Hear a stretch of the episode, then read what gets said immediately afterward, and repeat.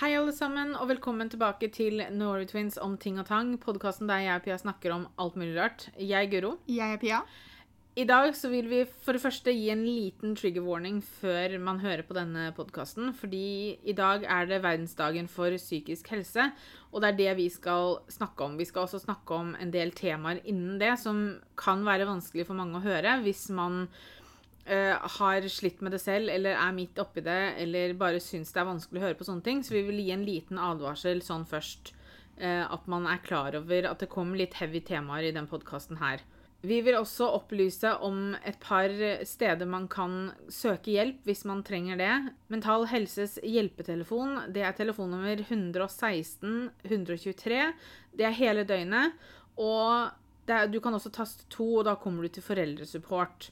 De har også en chattjeneste og skrivetjeneste som det er sidemedord.no. Men her er det litt åpningstider, så det lønner seg å gå inn på nettsidene og se. Kirkens SOS, det er telefonnummer 224 00040. Det er også hele døgnet. Og du kan chatte anonymt på www.soschat.no. Det er hver dag mellom halv sju og halv elleve På kvelden. på kvelden. Så har du også Mental Helse Ungdom, som er for ungdom mellom 18 og 35 år. Og Der kan du chatte på mentalhelseungdom.no fa-hjelp. På Instagram så finnes det en konto som heter mental-helse. Det er der jeg og Guro har fått en del informasjon, for vi følger dem og har gjort det ganske lenge.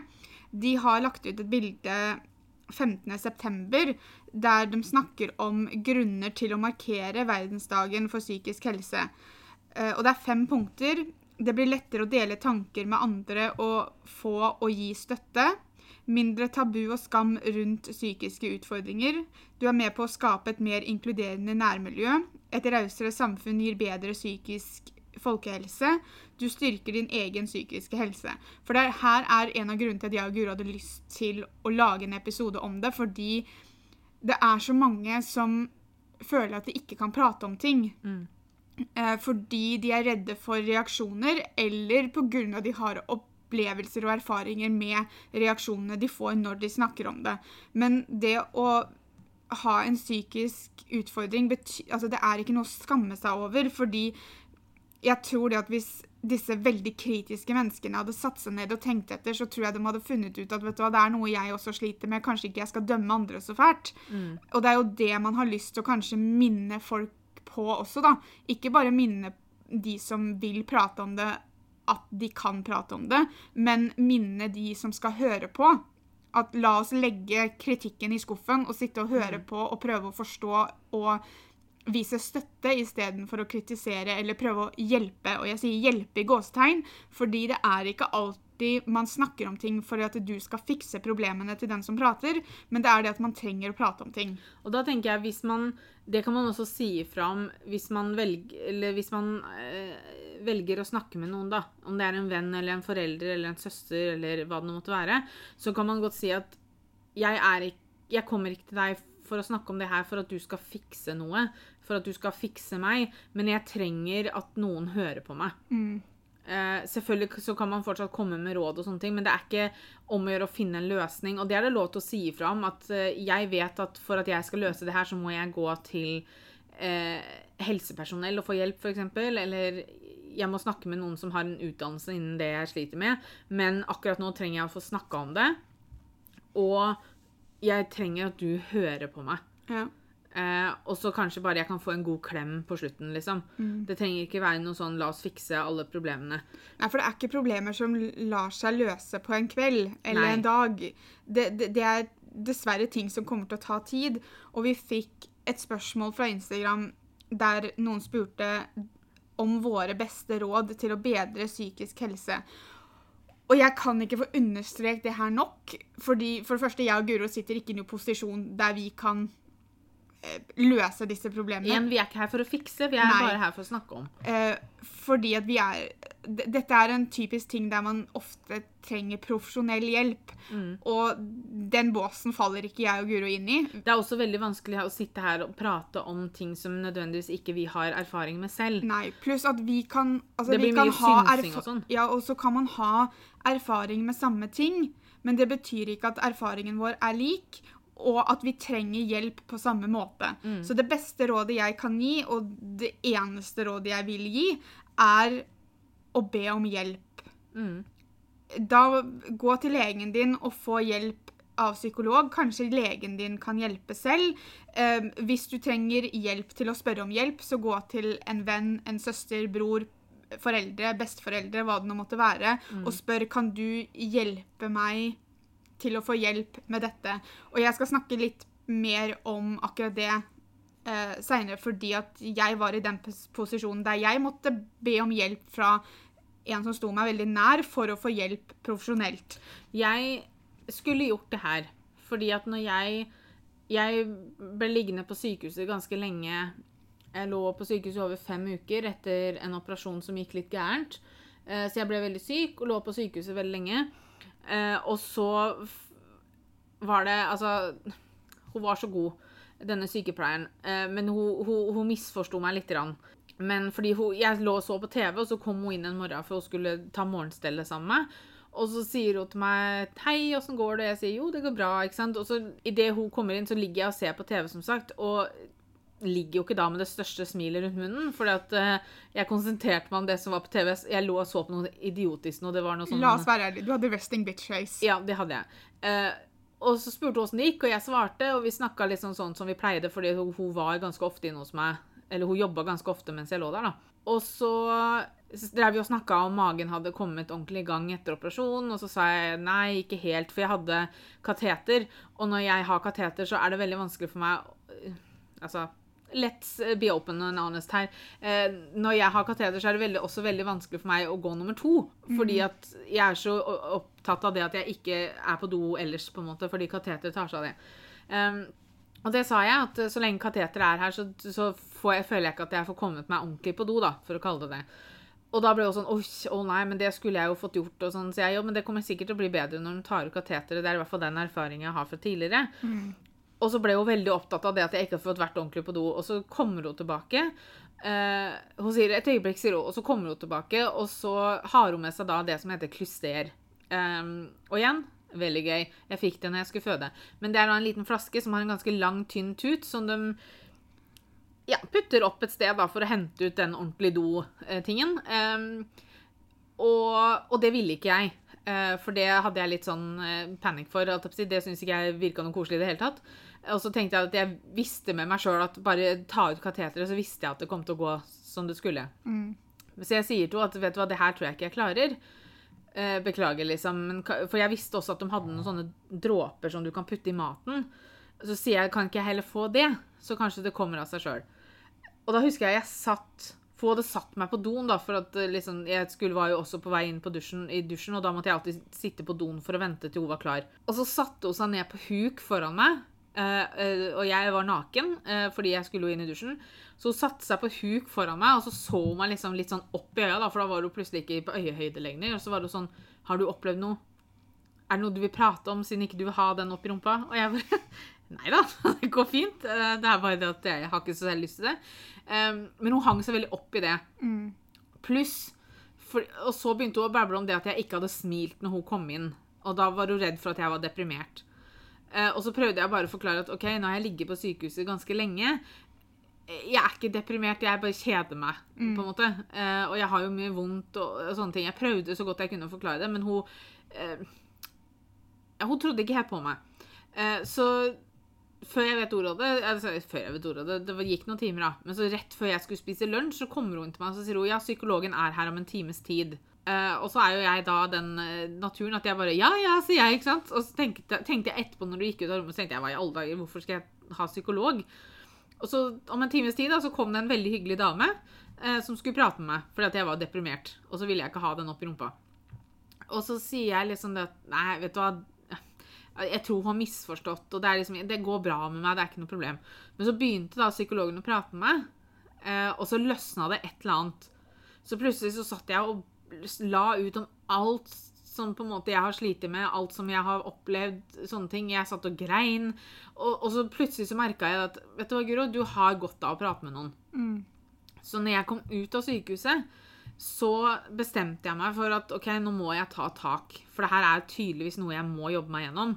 Det er noe jeg trenger å prate om. Det jeg trenger at noen som på en måte ikke kjente noen av dem jeg gikk på skolen sammen med, eller kjente mormor, eller noen som kan høre på hva jeg har å si, og så komme med ting som kan hjelpe meg videre. på en måte. Eh, Så jeg gikk til legen min og så sa jeg at jeg trenger henvisning til psykolog. Kan du hjelpe meg?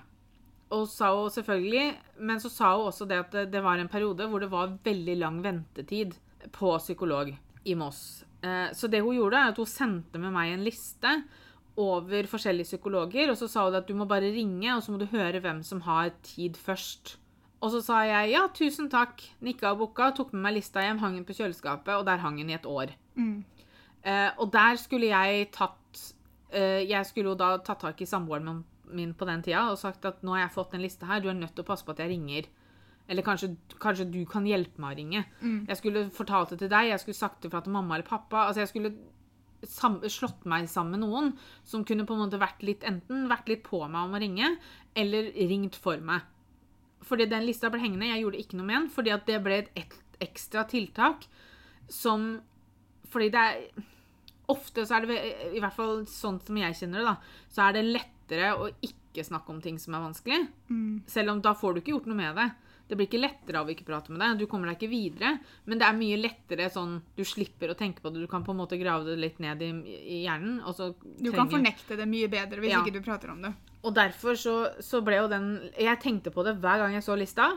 At liksom oh, jeg skulle jo ha ringt. Og til slutt så ble det sånn Å oh, nei, nå er det så lenge siden, så nå tror jeg ikke jeg gidder. Bla, bla, ikke sant? Ja. Så det ble alltid en unnskyldning for ikke å gjøre det. Jeg hadde jo samme når jeg lå på Per Gynt. For Og det er jo et helsehus, så det er jo ikke et sykehus, så det var ikke like stor la oss kalle det gjennomtrekk av ansatte. Jeg traff de samme menneskene hele tiden. Det bare varierte om jeg traff dem på morgenen eller på kveldsvakta. Eh, Men det var jo de samme menneskene som så meg stort sett hele tiden. Uh, Og jeg også hadde en dame der som ganske kjapt begynte å kommentere til meg om jeg var deprimert. Um, og jeg også, jeg var sånn, for jeg svarte nei, jeg er bare sjuk. Ikke sant? Ja. Fordi at jeg var jo veld, Altså, jeg var jo sjuk, selvfølgelig. Men jeg, jeg merka jo at noe var rart inni meg. Men jeg trodde at det var noe som fulgte med det at jeg ikke kunne gå. Og at jeg var så slapp at jeg sov jo stort sett hele dagen hvis ikke jeg var oppe og trena. Ikke sant? Um, og jeg har vært deprimert før og vet kjenner igjen den følelsen.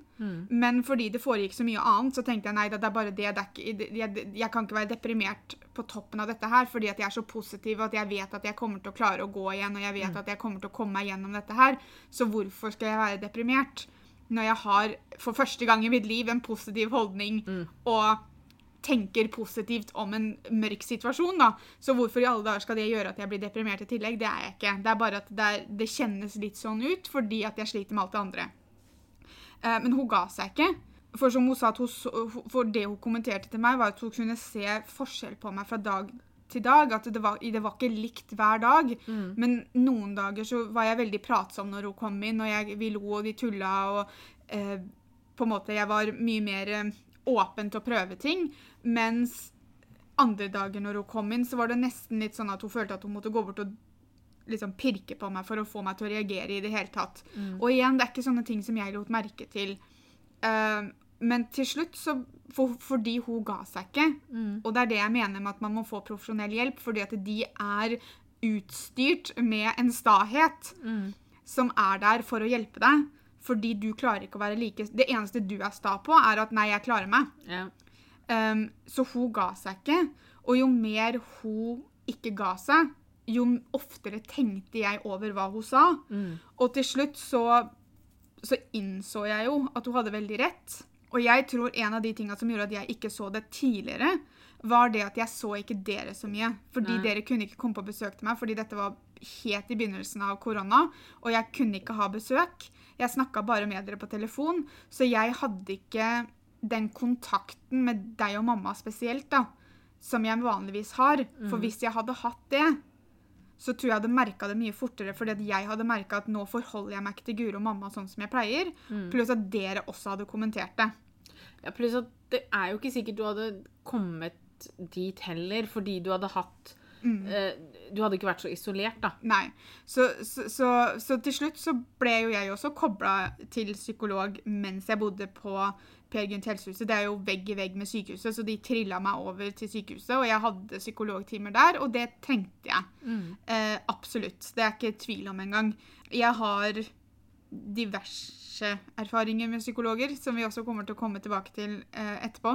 Men når jeg og Guro spurte på Instagram om temaer som dere syns vi burde ta opp i dag, så var en av de første svara vi fikk, var selvskading. Eh, og personen som sendte temaet, skrev til og med eh, 'det blir snakka så lite om'. Jeg og Guro Denne gangen så blei vi vel OK, greit, nå skal vi snakke om det. Eh, for dette er noe som jeg snakker med, med familie og venner, kan jeg snakke med det om.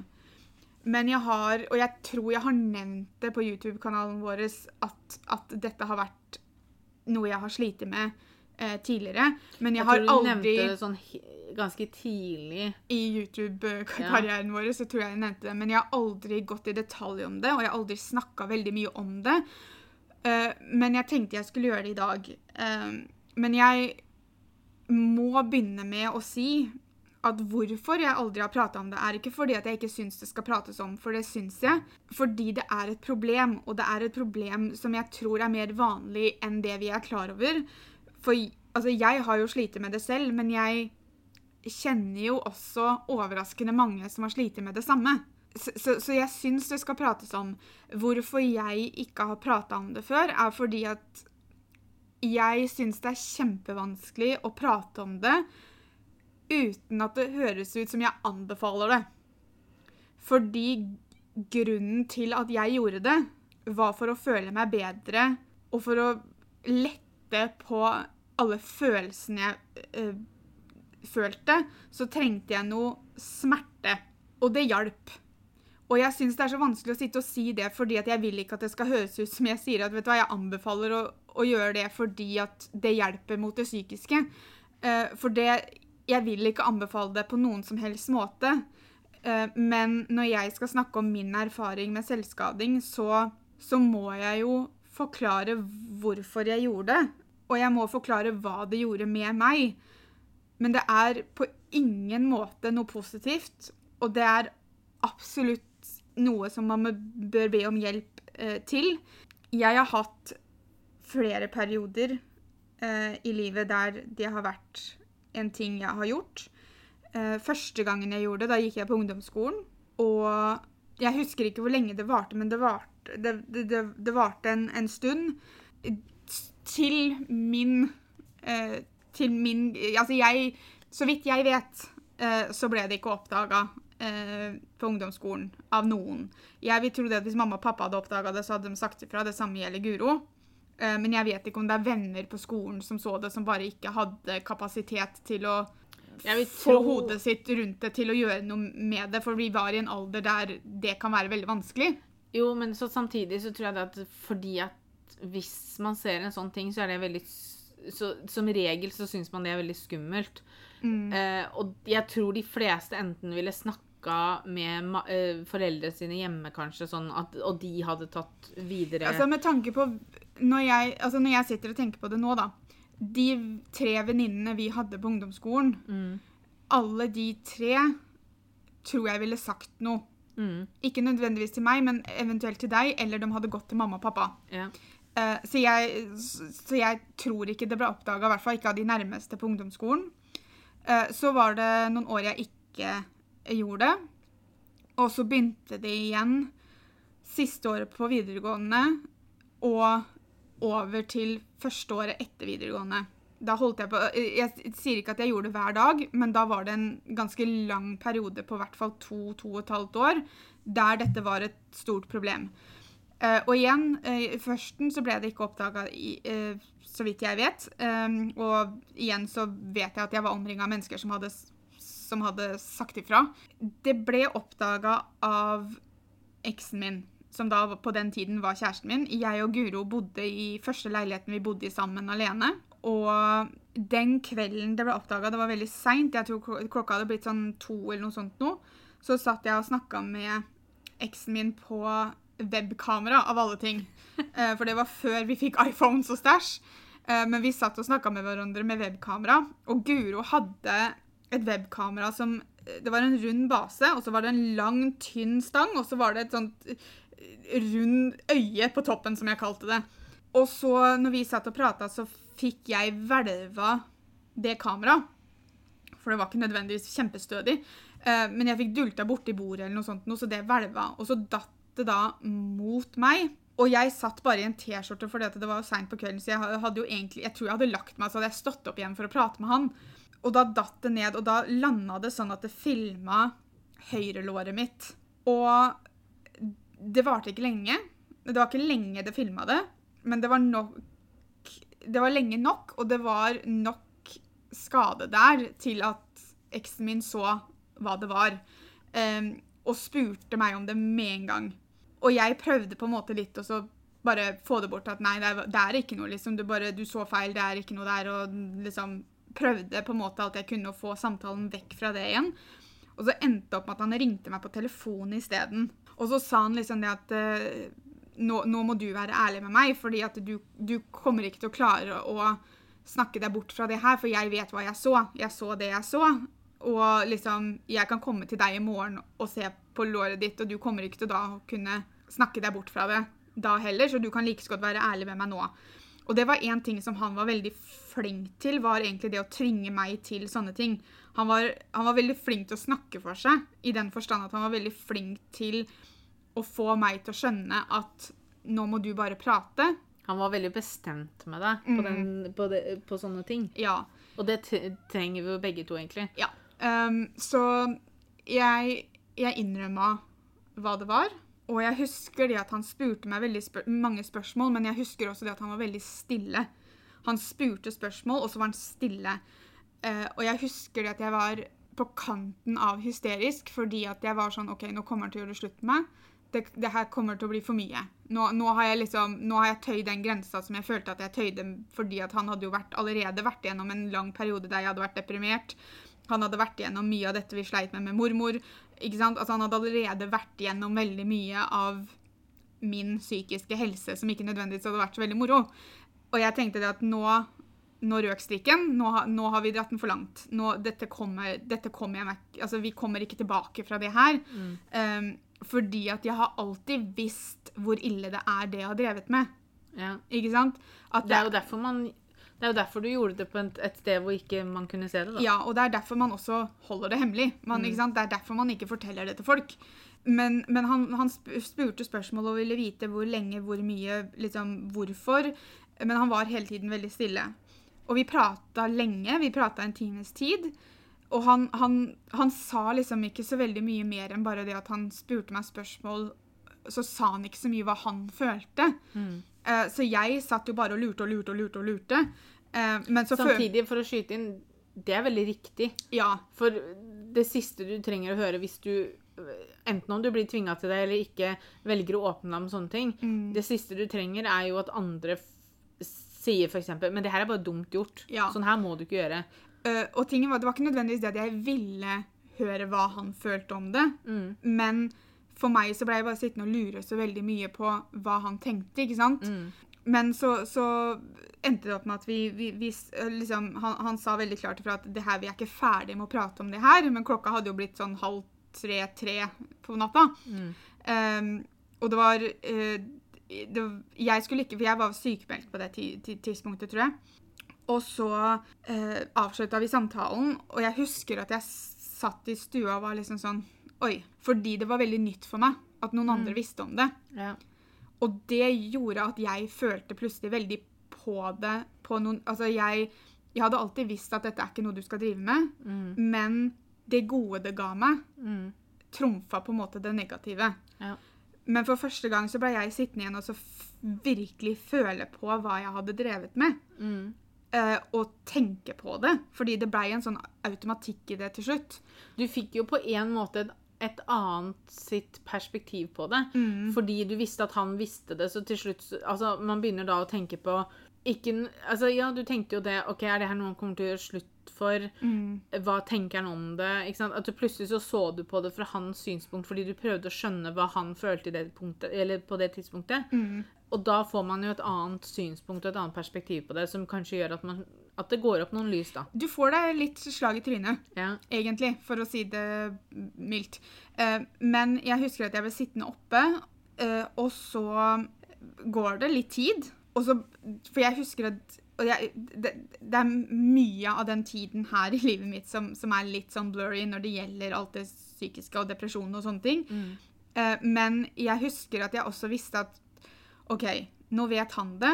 Han kommer til å forlange at vi må si det til noen andre. Mm. Så det første det, liksom Jeg var sånn OK, nå må, du, nå, må vi si, nå, må, nå må jeg si det til Guro og til mamma og pappa. Det var liksom det jeg satt og tenkte på. Og så plutselig så banker det på døra. Og igjen, klokka er godt over tre på det tidspunktet her. Og jeg synes det var veldig Altså, det var jo veldig rart, men jeg, jeg visste jo hvem det var. eh, Fordi at klokka var tross alt over tre. Så jeg går og eh, lukker opp døra. Da har eksen min tatt taxi fra Sarpsborg, der han bodde, og til Moss. Han hadde, han hadde vel lappen på det tidspunktet, men jeg tror det var etter at de hadde vært i bilulykka. Så det at de, han hadde jo ikke bil. Mm. Så han har da tatt taxi, som ikke er billig, eh, fra Sarpsborg til Moss. Og det uttrykket han har i ansiktet når jeg lokka opp døra, tror jeg jeg alltid kommer til å huske. Det er ikke noe jeg kommer til å klare å forklare, men jeg har det brent inn i huet mitt. Fordi sekundet jeg så han For det første så visste jeg at han kom ikke til å gjøre det slutt med meg pga. dette her. Men jeg visste også at han brydde seg såpass at han kom til å hjelpe meg med det og gjennom det uansett. Og det var ikke nødvendigvis sånne tanker som jeg var veldig flink til å skjønne uten at det skulle bores inn i huet mitt. Men jeg, han bare kom rett inn i leiligheten, tok tak i meg og sto bare og klemte på meg, og så tror jeg jeg bare gråt. Allerede dagen etter Og jeg husker ikke For jeg husker veldig godt når vi var og fortalte det til mamma og pappa. Men jeg husker ikke hvordan vi fortalte det til deg. Var det samtidig som mamma og pappa? Og for å være helt ærlig, så husker ikke jeg heller. Ja, for jeg tror ikke du var der når vi fortalte det til mamma og pappa. Jeg tror, jeg tror vi fortalte For du bodde jo tross alt sammen med. Du var jo der. Jeg tror Hvis ikke jeg tar helt feil, så tror jeg dere fortalte det på morgenen dagen etter. Fordi at Ja. jeg Plutselig så var jo han der. Um, men jeg også har jo en sånn greie med hvorfor jeg, altså hvorfor jeg ikke husker det, er jo ikke fordi jeg ikke bryr meg. Nei, men jeg Problemet er at jeg bryr meg for mye. Ja, og jeg tror hvorfor jeg ikke husker det, er fordi at Og det Igjen, så det her kommer til å høres litt sånn fælt ut, men for meg så var det ikke Det var ikke skummelt å fortelle det til deg fordi jeg visste du kom til å skjønne det. Mm. Jeg sier ikke at du kom til å støtte meg i det, Nei. men jeg visste du kom til å skjønne det. Og derfor så var det skummelt å si det til mamma og pappa, fordi jeg visste de kom ikke til å skjønne det. Og jeg sier ikke at man skal gjøre det nødvendigvis. Det, det er, ikke, altså, det er ikke det det, er- man leter etter. Man altså, leter er- ikke for, etter forståelse. Nei, men, det er forskjell på det å skjønne og forstå hvorfor noen gjør det, og det å akseptere det. Mm. Ja. Jeg aksepterte ikke at du gjorde det, men jeg Mm. forsto hvor du kom fra, på en måte. Ja. Og det er jo på en måte det man, man vil Man vil ikke ha akseptering, eller man vil ikke ha aksept, man vil ha forståelse. Ja. Og hjelp, da. Mm. Eh, men jeg husker vi, vi fortalte det til mamma og pappa, og da, da, var, jeg, da var jeg litt Jeg var litt sleip og feig. Uh, fordi vi skulle til familien hans på middag. Og da kjørte vi innom mamma og pappa for å fortelle det på veien. Jeg tror jeg ga meg sjøl en time eller noe sånt. Nå. Fordi at jeg visste at jeg ville ha et klokkeslett som vi måtte dra. Fordi at jeg ville ikke bli sittende der for lenge etterpå. Ja. Eh, og det er, det er den feige måten å gjøre det på, men, Men det var jeg måten vet- jeg gjorde det på. Nei, men jeg vet ikke om jeg vil kalle det feigt. fordi det, det er ikke det at du ga dem en time, and that's it. Nei, altså, jeg visste jo Du- det kom til å bli prata mer Ja, om, men du ga deg selv en time til å få det ut, Mm. og så kunne de på en måte Så kunne du fjerne deg fra situasjonen igjen, og så kunne de på en måte tenke gjennom hva det er du hadde sagt. De Mm. kunne tenke mer gjennom ok, hvordan skal vi reagere på det her. Ja. De kunne snakke sammen. Hvordan hjelper vi Pia videre nå? Ja, og så kan de ta det med deg, og så kunne de prate med deg igjen. ikke sant? Ja, Istedenfor det- at det kommer sånn impulsivt. Ja. fordi at det er ikke alltid like bra, det heller. For da blir ting sagt og gjort kanskje som ikke er, er helt det du vil. Mm. ikke sant? Men at man får tid til å tenke gjennom først. Ja, og det, vi, vi har jo prata uendelig om dette her. Jeg har faktisk aldri spurt mamma hva, hva hun og pappa gjorde etter at jeg hadde dratt. hva som ble sagt dem imellom. Men det er ikke så viktig heller, For det viktigste er hvordan de takla det overfor deg. Ja, men, men samtidig så vet jeg også det at jeg la noe ganske heavy på dem, da. Jo da, men, men, men, men sånn er det for Ja. foreldre. Altså, Ja. foreldre. altså, det å være foreldre, det er ikke en dans på roser. Altså, og det er jo derfor også jeg syns det er kjempefint at Mental Helses hjelpetelefon har en foreldresupport-linje.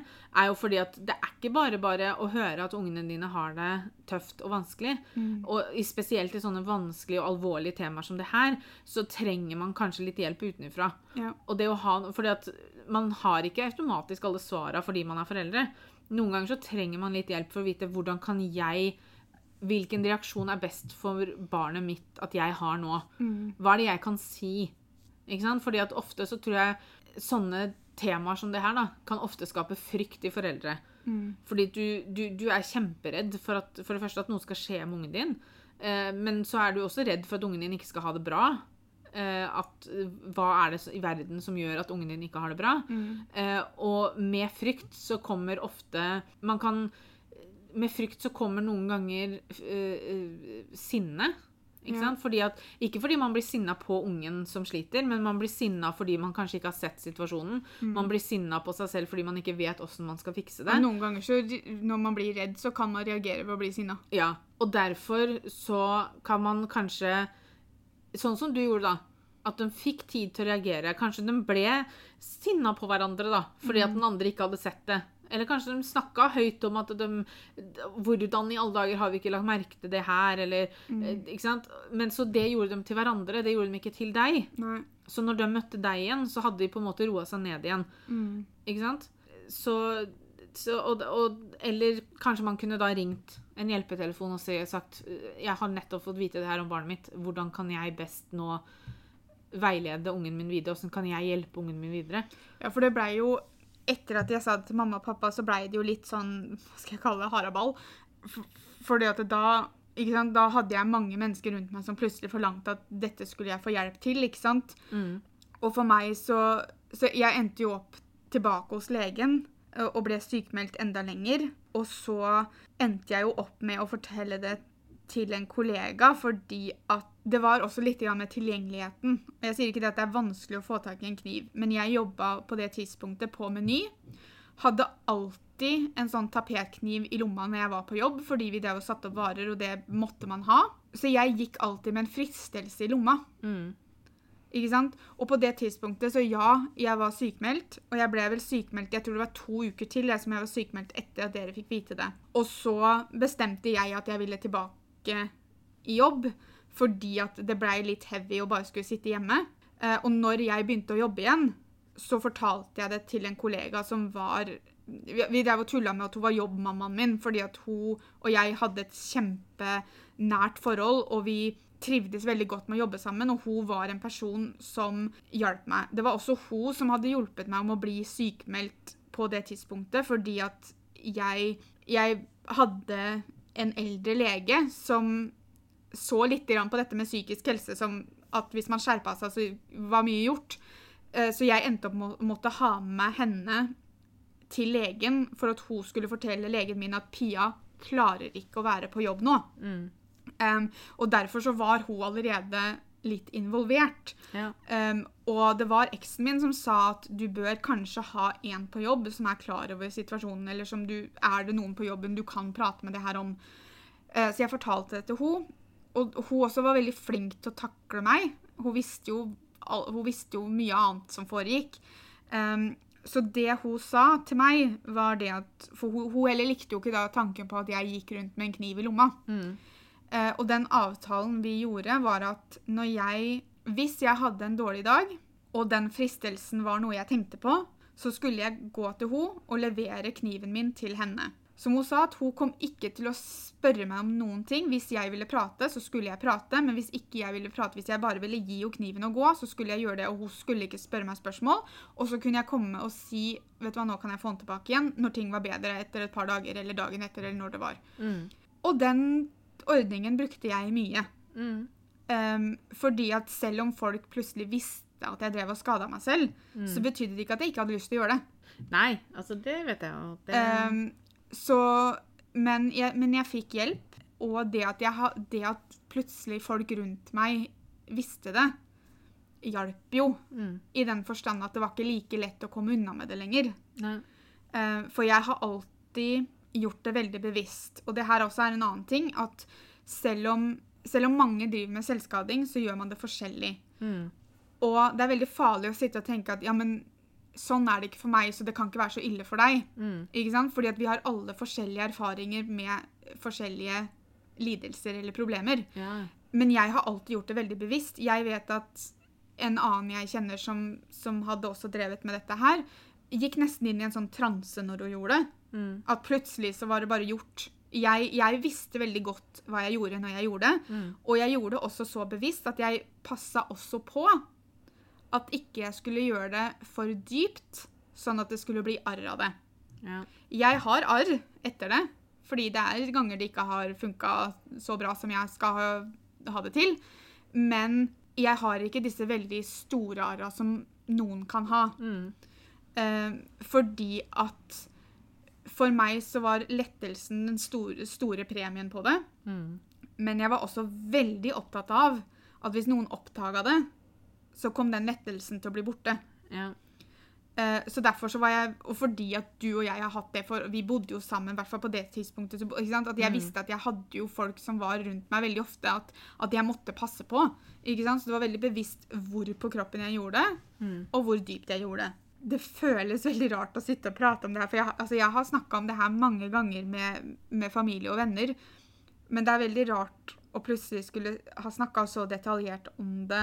Men det er jo som du sier, at det er vanskelig å snakke om Og sånn tror jeg det er med selvskading generelt, er at det er veldig vanskelig å snakke om uten at det høres ut som du reklamerer for det. på en måte da. Mm. Fordi at mange gjør det fordi at det på en eller annen måte hjelper. Mm. Ikke sant?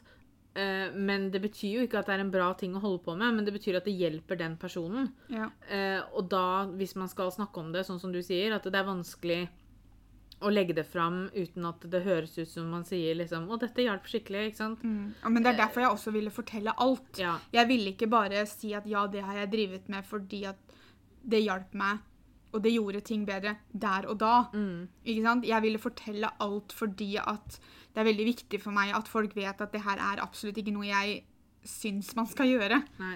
Og ja, jeg skammer meg over at jeg har gjort det. Jeg, jeg skammer meg ikke nødvendigvis over å prate om det, men jeg skammer meg jo over at jeg gjorde det. Men det syns jeg ikke du skal gjøre. Nei, men det er det, Nå kommer den derre Nå skal vi fikse det. Eh, Nei, men altså, det er, eh, jeg tror det er en naturlig ting fordi at det er en så det er en greie som du vet at du absolutt ikke skal gjøre. Jo da, men, men, men samtidig så, så Man kan ikke noe for hvordan man føler det, hvor Altså, det er jo det som er vanskelig med psykisk helse generelt, er jo det at Altså, jeg husker jo en gang som jeg skulle tilbake på jobb etter en eller annen operasjon. Jeg har jo hatt så mange av dem. Mm. Eh, så var jeg skikkelig, skikkelig Jeg ble skikkelig, skikkelig redd for å gå tilbake på jobb. Fordi, jo, det var etter brokkoperasjonene. Fordi at jeg var så redd for å få nye brokk. Mm. Fordi jeg hadde, den rehabiliteringa var så tøff for meg. Og den var lang. Og det tok tid. Så når, jeg begynte, når det begynte å nærme seg at jeg skulle begynne på jobb igjen, så ble jeg skikkelig redd. Og så valgte jeg å fortelle om det til en person. Eh, og så fikk jeg bare tilbake Men sånn må du ikke tenke. Og så ble jeg sånn Å nei, det hadde jeg ikke tenkt på.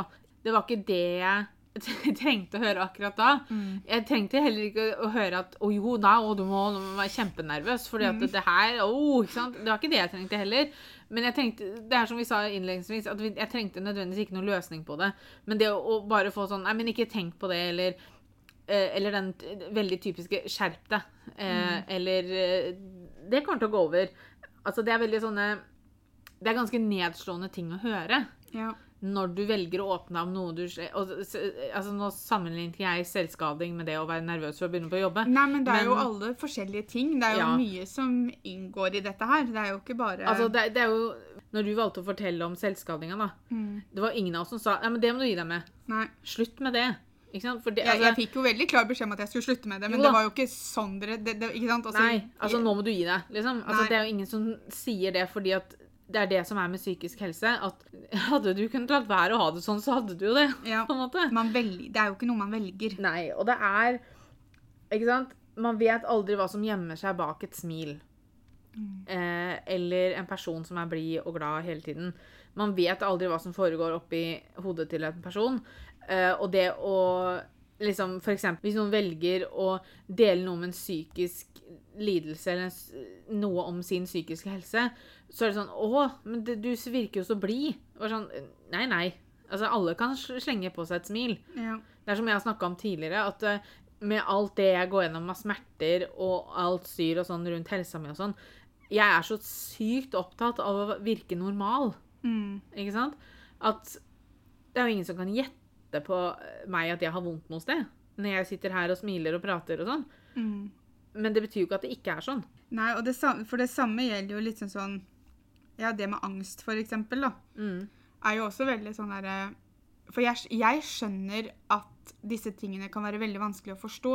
Særlig hvis man ikke har hatt en opplevelse eller ikke har det selv. Mm. Altså, for eksempel da, øh, En av de tinga jeg tror vi har fått mest kommentarer på, er jo for eksempel det at du ikke klarer å ta bussen Mm. pga. angsten. Ja. Og det, vi har fått så mye kommentarer på Ja, men det er jo bare til å ta bussen. Mm. Kan ikke Pia ta bussen til jobb? Hvorfor må Guro kjøre Pia på jobb? Kan ikke hun ta bussen? Selv om vi utallige ganger har forklart hvorfor man ikke tar bussen. Mm. Mann. Hvorfor du ikke tar bussen.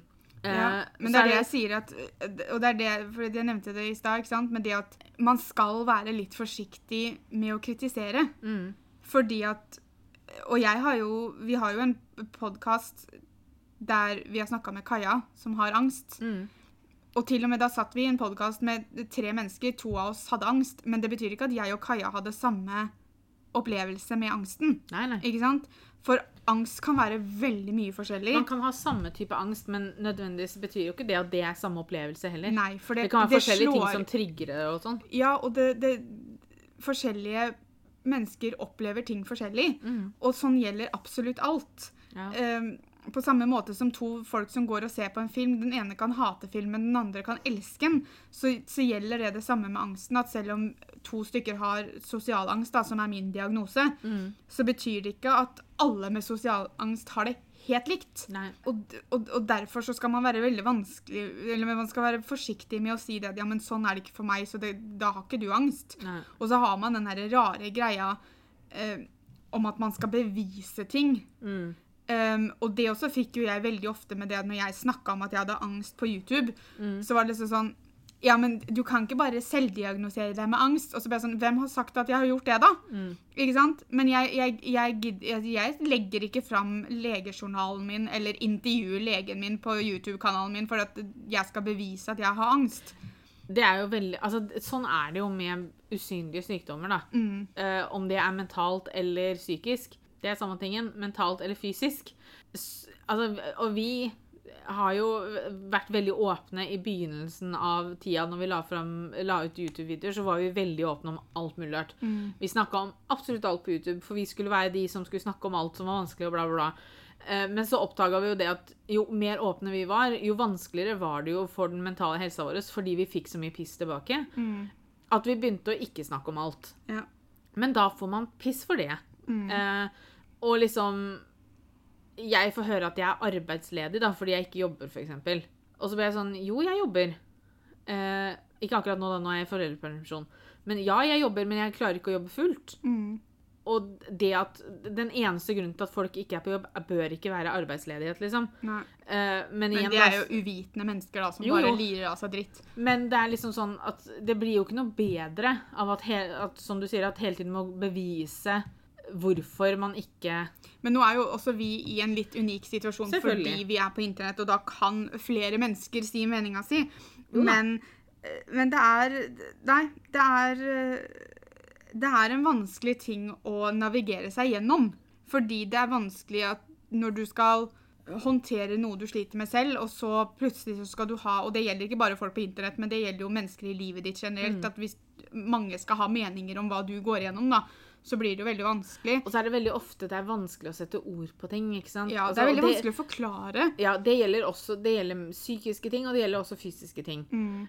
At man klarer ikke Hvis man sliter med noe, så klarer man som regel ikke å sette akkurat ord på det, sånn at den andre personen forstår helt og holdent hva som skjer. Nei. Fordi at hvis du skal prøve å forklare til en person hvorfor du ikke klarer å ta bussen, så klarer du ikke å forklare det på en sånn type måte at den andre personen sitter og kjenner på din angst for å ta bussen. Nei.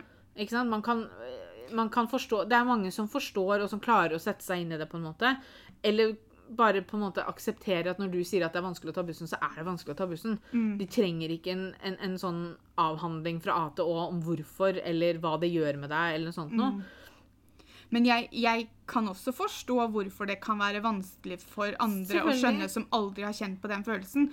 For det å ta bussen er en veldig Det er en bagatell for mange, da. Men det betyr jo ikke at dine følelser er noe mindre Nei da, men, men det er ikke eller, alle eller sant. Det er ikke alle som er skrudd sammen på den måten til at de klarer å være reflekterte nok til å skjønne at å ja, det er vanskelig for deg. Ja, men det, da, da må jeg akseptere det. Mm. Veldig mange skal liksom diskutere det bort. Altså, Ja. At Hvis vi diskuterer det nok, så er det ikke vanskelig for deg å ta bussen lenger. Eh, så, så det er bare mennesker som bare ikke er skrudd sammen til å klare å vise den forståelsen eh, å og akseptere ting. helt ærlig, så føler jeg at det har litt med Da mangler du litt empati, tenker jeg. Ja, det gjør du. Men, eh, men det er det mange som gjør. Ja. Eh, vi fikk også et spørsmål på Instagram om hvordan være der for noen som sliter, spesielt over lengre tid. Kan- Jeg, jeg, vi har jo kanskje gitt litt eksempler nå underveis i historiene våre eh, om hvordan andre har vært her for oss. Det er jo det Litt tilbake til det vi snakka om innledningsvis. Gi i hvert fall slipp på det der at du skal fikse det. Mm, For det klarer du ikke. Eh, man kan gjerne komme med eventuelle løsninger. Eller råd. Råd. For eksempel sånn Jeg hører gjerne på hva du sier, men akkurat her tror jeg du er nødt til å snakke med legen din. Mm. Eller med en psykolog. Eller kanskje vi kan ringe hjelpetelefonen sammen. Kan, vi kan ha på høyttaler. Jeg kan sitte her sammen med deg. Um, Det, men- går ta, det går an å være en del av samtalen uten å være den som kommer med løsningen. Mm. Og så er det litt grann også det at det er ikke bare bare å være der for noen som sliter over lengre tid, fordi at mange kan bli litt eh, motvillig Mm. til, å være, til å ha noen der for deg, eh, eller for seg. Eh, men det, jeg tror det, noen ganger så er det greit å spørre. Hva trenger du av meg nå? Yeah. Hva trenger du? Er det noe jeg kan gjøre? Trenger du bare at vi ser på en film sammen i dag? Trenger du å gå en tur? Trenger du um, hjelp til å være, dra i butikken? Ikke sant? Altså, Trenger du en klem? ja, at uh, jeg tror mange er kanskje litt redd for å ha den samtalen om hva trenger du, fordi de mener at dette burde jeg vite fra før av. Mm. At det den personen trenger nå, er at jeg vet hvordan jeg skal være. Men det er ikke alltid veldig lett. Så det går an å inkludere den som sliter i en samtale. Jeg sier ikke at du skal mase og trykke og ordne at nå må du sette ned en liste over alt jeg ikke sant? Men, men det går an å ha en litt dialog der. Fordi det, det, er ikke, det er ikke lett å være den som eksempel bor sammen med, eller er i familie med, eller er venner med den som sliter heller. Det er, det er tøft, det òg, fordi at det, Du blir hjelpeløs, og det er Ja. det verste du kan gjøre når, du, hvis- når det gjelder noen du bryr deg om. Og hvis man sliter veldig psykisk, så kan det også ta mye plass i livet ditt. Ikke sant? Med harde perioder hvor du kanskje ikke orker å stå på senga engang. Og det å da skulle være en del av det livet til den som sliter så mye, det, det, er, ikke, det er ikke lett. Nei. Men samtidig så Den som sliter, trenger at man står i det, på en måte. Man treng, det siste man trenger, er jo at man trekker seg unna, eksempel. Sånn. Hvis, spør bare, sånn som Pia sier, spør hva trenger du av meg, og hvis personen sier jeg trenger litt tid alene, gi dem den tiden. Ja. Fordi at det er viktig at man hører på hva den personen sier da. Hvis, man, hvis man er så, la oss kalle det grei, og spør det spørsmålet, hva trenger du av meg, og personen forteller deg det, så respekter det, og gjør det. Så godt det lar seg gjøre, selvfølgelig. Ja. Eh, Vi spurte på Instagram, fordi vi, vi hadde ikke lyst til å bare sitte her og Jeg vet ikke, vi ville kanskje inkludere noen av dere. Eh, eh, når vi la ut på Instagram, så hadde jeg håpa at vi skulle få noe svar fra noen gutter, eller menn. Fordi at det er også noe som jeg ville nevne. Fordi jeg tror uansett hvor mye tabu damer føler at det er rundt visse evner innen psykisk helse, så er det enda verre for mannfolk. Mm. For gutter skal ikke gråte, gutter skal ikke ha det tøft. Gutter skal være sterke og modige og ha det bra hele tiden. Uh, så det er nesten, altså det er viktig å få fram at gutter får lov til å ha det tungt og ha det mørkt og ha det vanskelig. Der og de jeg- får lov til å snakke om det. Jeg syns Tix er jo et veldig godt forbilde der. Yep. Om det å tørre å åpne seg om utfordringer Chris og Holst nå har jo snakka om det med den nye musikken sin. Ja. Så har han jo snakka en del om det rundt der òg. Og det, det er utrolig modig gjort av dem, men det Mm. er så viktig at de viser at noen tør å være de personene som går foran og viser at vet du hva, vi mannfolk vi kan også prate om sånne ting. For vi trenger å prate om det, vi òg. Ja, absolutt. Og det, det håper jeg at de kan finne plass til. Mm. Jeg håper vi alle finner plass til det, men at gutter og menn også finner den plassen de fortjener til å snakke om det. Mm. Men vi fikk eh, en, et svar fra en som gjerne ville dele sin historie. Selvfølgelig dette er anonymt, men vi setter så pris på at hun hadde lyst til å dele historien sin med oss, men også med dere. Og hun skriver da til oss eh, Jeg vokste opp med en pappa med alkoholproblemer. En pappa som ikke var til stede, og som jeg som barn følte jeg måtte passe på. Nå i ettertid har jeg fått hjelp til å se hvordan barndommen min har påvirket psyken min. I mange år brukte jeg mat til å få kontroll på livet mitt. Til slutt mistet jeg kontrollen over meg selv og maten, og da jeg var 15 år ble jeg fraktet til sykehuset og måtte overvåkes av leger. Hjertet mitt var ute av kontroll, og de var redd jeg kom til å dø som følge av undervekt. Jeg var 27 kilo på dette tidspunktet. Siden jeg var så syk og hjerterytmen var ustabil, ble jeg tvangsinnlagt på BUP. Her var jeg innlagt i ca. to år med noen turer hjemom, men endte oftest med en ny innleggelse. Jeg kjempet en hard og jævlig kamp der inne hver dag. Jeg måtte overvåkes når jeg sov og dusjet.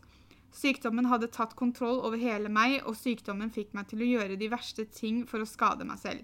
Jeg fikk ikke gå, og jeg måtte sitte i rullestol. For hvis jeg gikk noen skritt, kunne jeg rase ned. Jeg måtte lære meg å gå igjen og leve igjen. Det jeg prøver å si, er at jeg mistet utrolig mye viktig ungdomstid i denne perioden i isolasjon. Andre gikk på skole og fikk seg venner, mens jeg øvde på å sitte stille i fem minutter. Da jeg kom ut og var frisk, i gåstegn Frisk for en alvorlig anoreksia er når vekta er frisk, men hodet gjenstår. Jeg er fortsatt ikke frisk i hodet og bærer med meg mye av sykdommen den dag i dag, og har hatt vanskelig med å skaffe venner pga. mitt fravær fra verden. Det føles som jeg levde i et annet univers der inne, og jeg måtte lære meg livet på nytt helt fra start. Og så skriver hun på slutten takk for at dere lager en podkast som dette, og, og takk for at dere er dere. Det er jo absolutt vi som må takke for at du valgte å dele med oss, for dette er jo absolutt en tøff ting å høre om. Mm. Eh, det er jo helt klart hvor mye dette mennesket har eh, gått gjennom. Eh, men tusen takk for at du hadde lyst til å dele det med oss, for det, det setter vi utrolig stor pris på. Det er Jeg, jeg vet ikke helt hvordan, hvordan jeg skal si det, men det er Som en som sitter og har vært igjennom veldig mye også, da, eh, så er jo dette selvfølgelig noe helt annet enn hva jeg har vært igjennom. Mm. Men den kontakten jeg føler med dette mennesket, Mm. gjør jo også at jeg ikke føler meg så veldig alene. Og jeg har jo alltid visst at jeg ikke har vært alene for at jeg har hatt deg. Mm. Eh, det er jo, vi, vi sier det hver gang, det er fælt å si det, men vi er jo veldig glad for at ikke vi gikk gjennom disse tingene alene. Ja. Men ikke sant? Altså, vi, vi, det er et samfunn der ute som består av veldig mange som har slitt med et eller annet. Mm. Og det bør ikke være nøyaktig det samme som deg, men det betyr ikke at det er noe mindre viktig for det. Og så vil jeg jo gjerne si det at til henne som har delt historien sin med oss, da, så er det jo Altså, jeg er så stolt over at hun på en måte er her i dag og kan fortelle oss historien sin. Altså, tenk hvor mye tøffe ting hun har vært igjennom, Mm, men hun har klart seg. ja. Og verden trenger alle mennesker. Og det er så, jeg er takknemlig for at hun kom seg gjennom det, og at hun tør å dele historien sin med andre. Fordi at ikke bare oss som kanskje ikke kan helt eh, sammenligne hva hun har gått gjennom, og vi hva vi har gått gjennom, men en eller annen der ute sitter, og så treffer det. Mm, Eh, og så er det en som tenker åh, hun har vært gjennom det samme som meg. Hun har kommet ut på andre siden. Selvfølgelig ikke helt, altså Man sliter fortsatt med det, og man har kanskje ting man jobber jobbe med. med. Men hun er på en måte kanskje gjennom noe av det verste. Og hun har, altså, selv om man fortsatt har ting man må jobbe med, så skal man ikke feie det man har allerede kommet gjennom under teppet. Selv om, det, selv om du jobber med de tinga som du allerede har vært igjennom, så har du kommet deg gjennom det. Mm. Og selv om du ikke er helt i mål enda, og det, det er ikke sikkert man noen gang kommer helt i mål, men alt det som ligger bak deg, ligger bak deg fordi du har vært igjennom det, og du har kommet til andre siden. Ja. Og det, det blir bedre. Innimellom så blir jeg litt lei det slagordet. Fordi at jeg skjønner hva de vil med det. Jeg skjønner at, at det er et budskap som sier at du vil komme deg gjennom det her òg, liksom. Det blir bedre. Hold ut. Eh, Men samtidig så kjenner jeg jo også på det at innimellom så kan det bli veldig sånn At man blir litt sånn åh, når man hører det. Fordi at man vil jo gjerne at bedre skal være nå, hvis man er midt oppi ting. Eh, og det er det jo ikke alltid man er. Eller altså det, er, altså, det er ikke alltid man er gjennom det og, og, klarer å se lyset i andre enden av tunnelen. Men jeg skjønner veldig godt budskapet, selv om jeg innimellom blir litt sånn eh, av å høre det. Så, så sitter jeg jo her sjøl og sier at det blir bedre. Men eh, jeg tenker at det kan være fint å si til seg selv innimellom. Minne seg. Finn en sånn eh, Finn en sånn Ikke kanskje akkurat det blir bedre, men finn et eller annet som gjør at du, som du kan gjenta til deg selv for at du skal minne deg sjøl på at, at du vil komme deg gjennom det. på en måte. Vi fikk også et spørsmål. Jeg har det vanskelig. Angst og depresjon. Alle i gåsetegn sier 'gjør noen gode ting mot deg selv'. Kanskje dere også har hørt det. Hva er deres snill mot deg selv-tips? Jeg vil også si det at uh, sånne 'gjør noe snilt mot deg selv', det er, det er heller ikke en løsning. Nei. Uh, men, Men man, det er ikke nødvendigvis de der råda som kommer men altså, det er jo litt sånn der at det, man kan, man kan være snill mot seg selv, og så kanskje man klarer å tenke på noe annet akkurat i den lille stunden.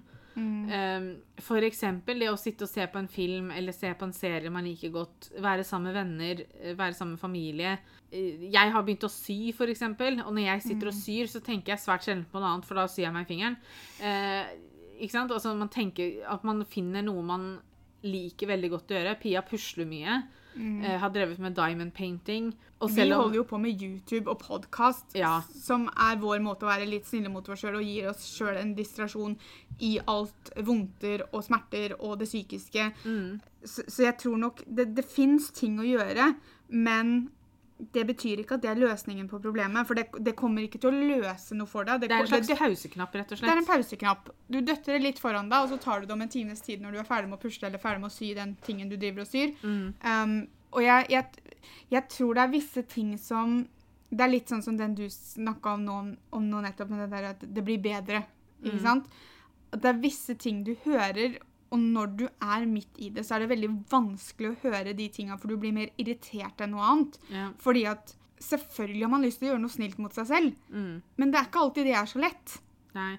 Hun, hun, vi fikk et spørsmål til av henne, og hun, da sier hun hvordan dealer dere med alle som skal gi tips ved usynlig sykdom?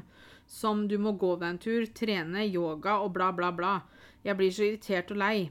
Hvordan tar dere imot alle de, som oftest godt ment kommentarer, som ikke blir tatt imot så godt?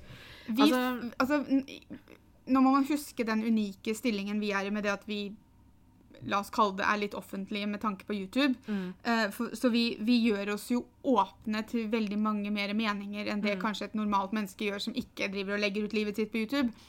Uh, det jeg og Guro pleier å gjøre, er at vi pleier å forklare at de må huske at de ser ikke alt vi gjør i løpet av en dag.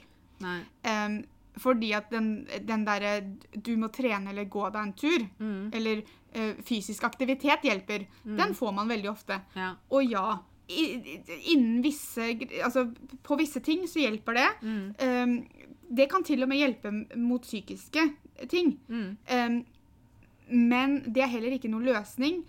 Og nå kan jeg og Guro bare Vi får sitte og prate om vår greie, for jeg tror det er derfor også hun har spurt oss om det, fordi vi er litt mer offentlig enn kanskje et vanlig Ja. menneske er. Altså, det er jo mye internettpsykologer og internettleger der ute. Det Ja. har vi jo opplevd. Og, og det jeg og Guro Kanskje spesielt jeg nå i det siste ett og et halvt året fordi at jeg driver og trener opp bena mine, som jeg ofte må si, er at selv om de ikke ser at jeg trener opp bena mine, så gjør jeg det. Ja.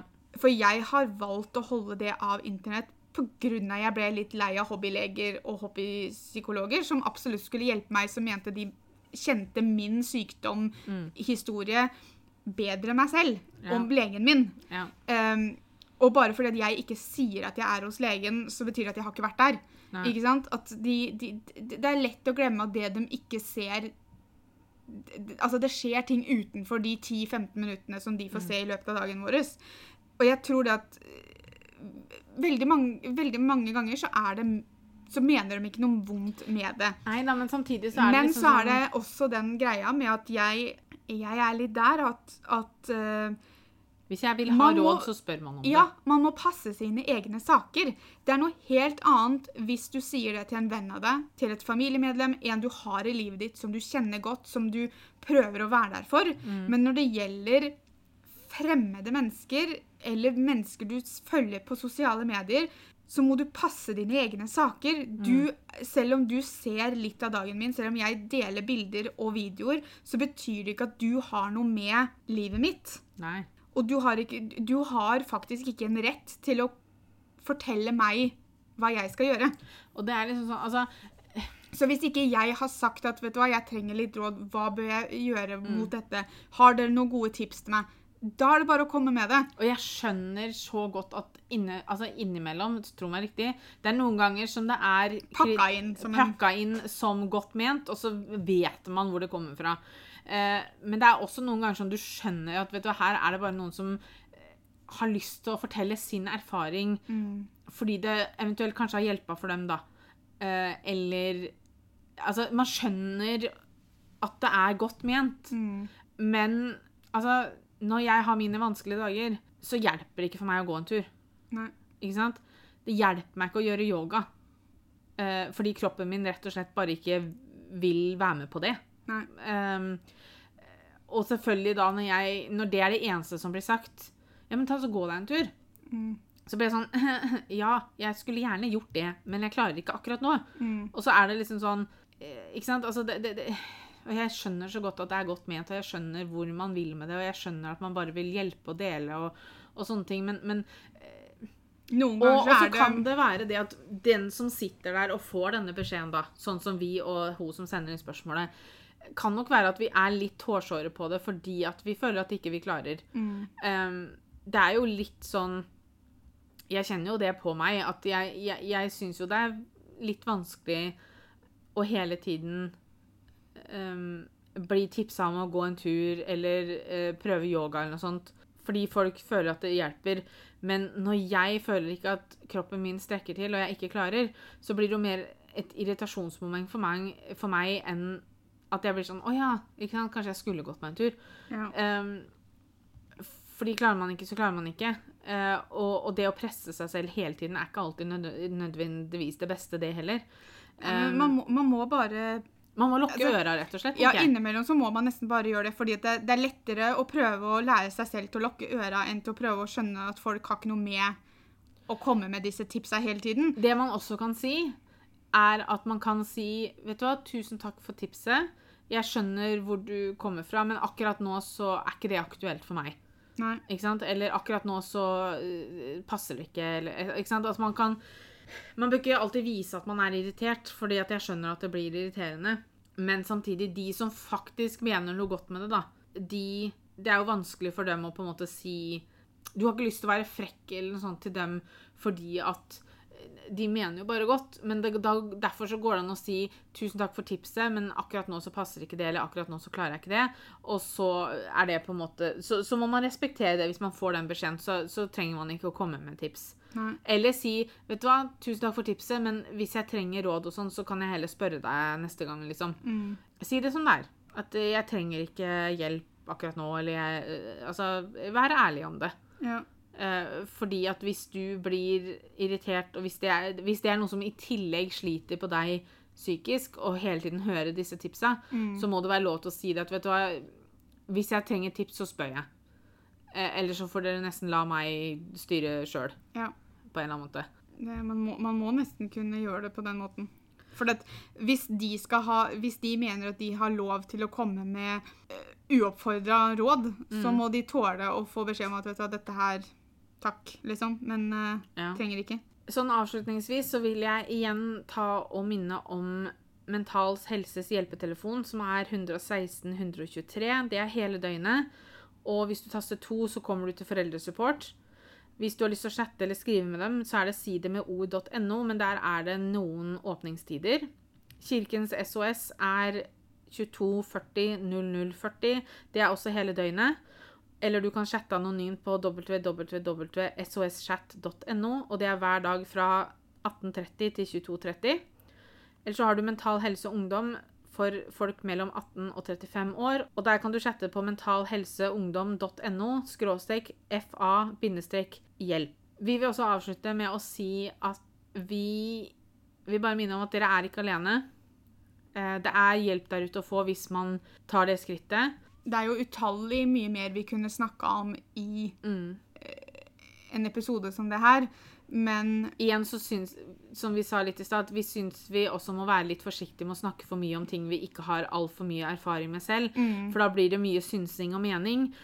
Og det kan være litt farlig når det gjelder sånne type ting som det her. Ja, for jeg tror det kan, gå i, det kan gå i motsatt retning av hva vi ville oppnå med denne Ja. eh, episoden. Eh, og derfor så har vi prøvd å holde oss til det vi kan i hvert fall ha, ha litt erfaring med, da. Ja. Vi sier tusen takk for at dere hørte på, og så høres vi søndag om to uker. Ha det. bra.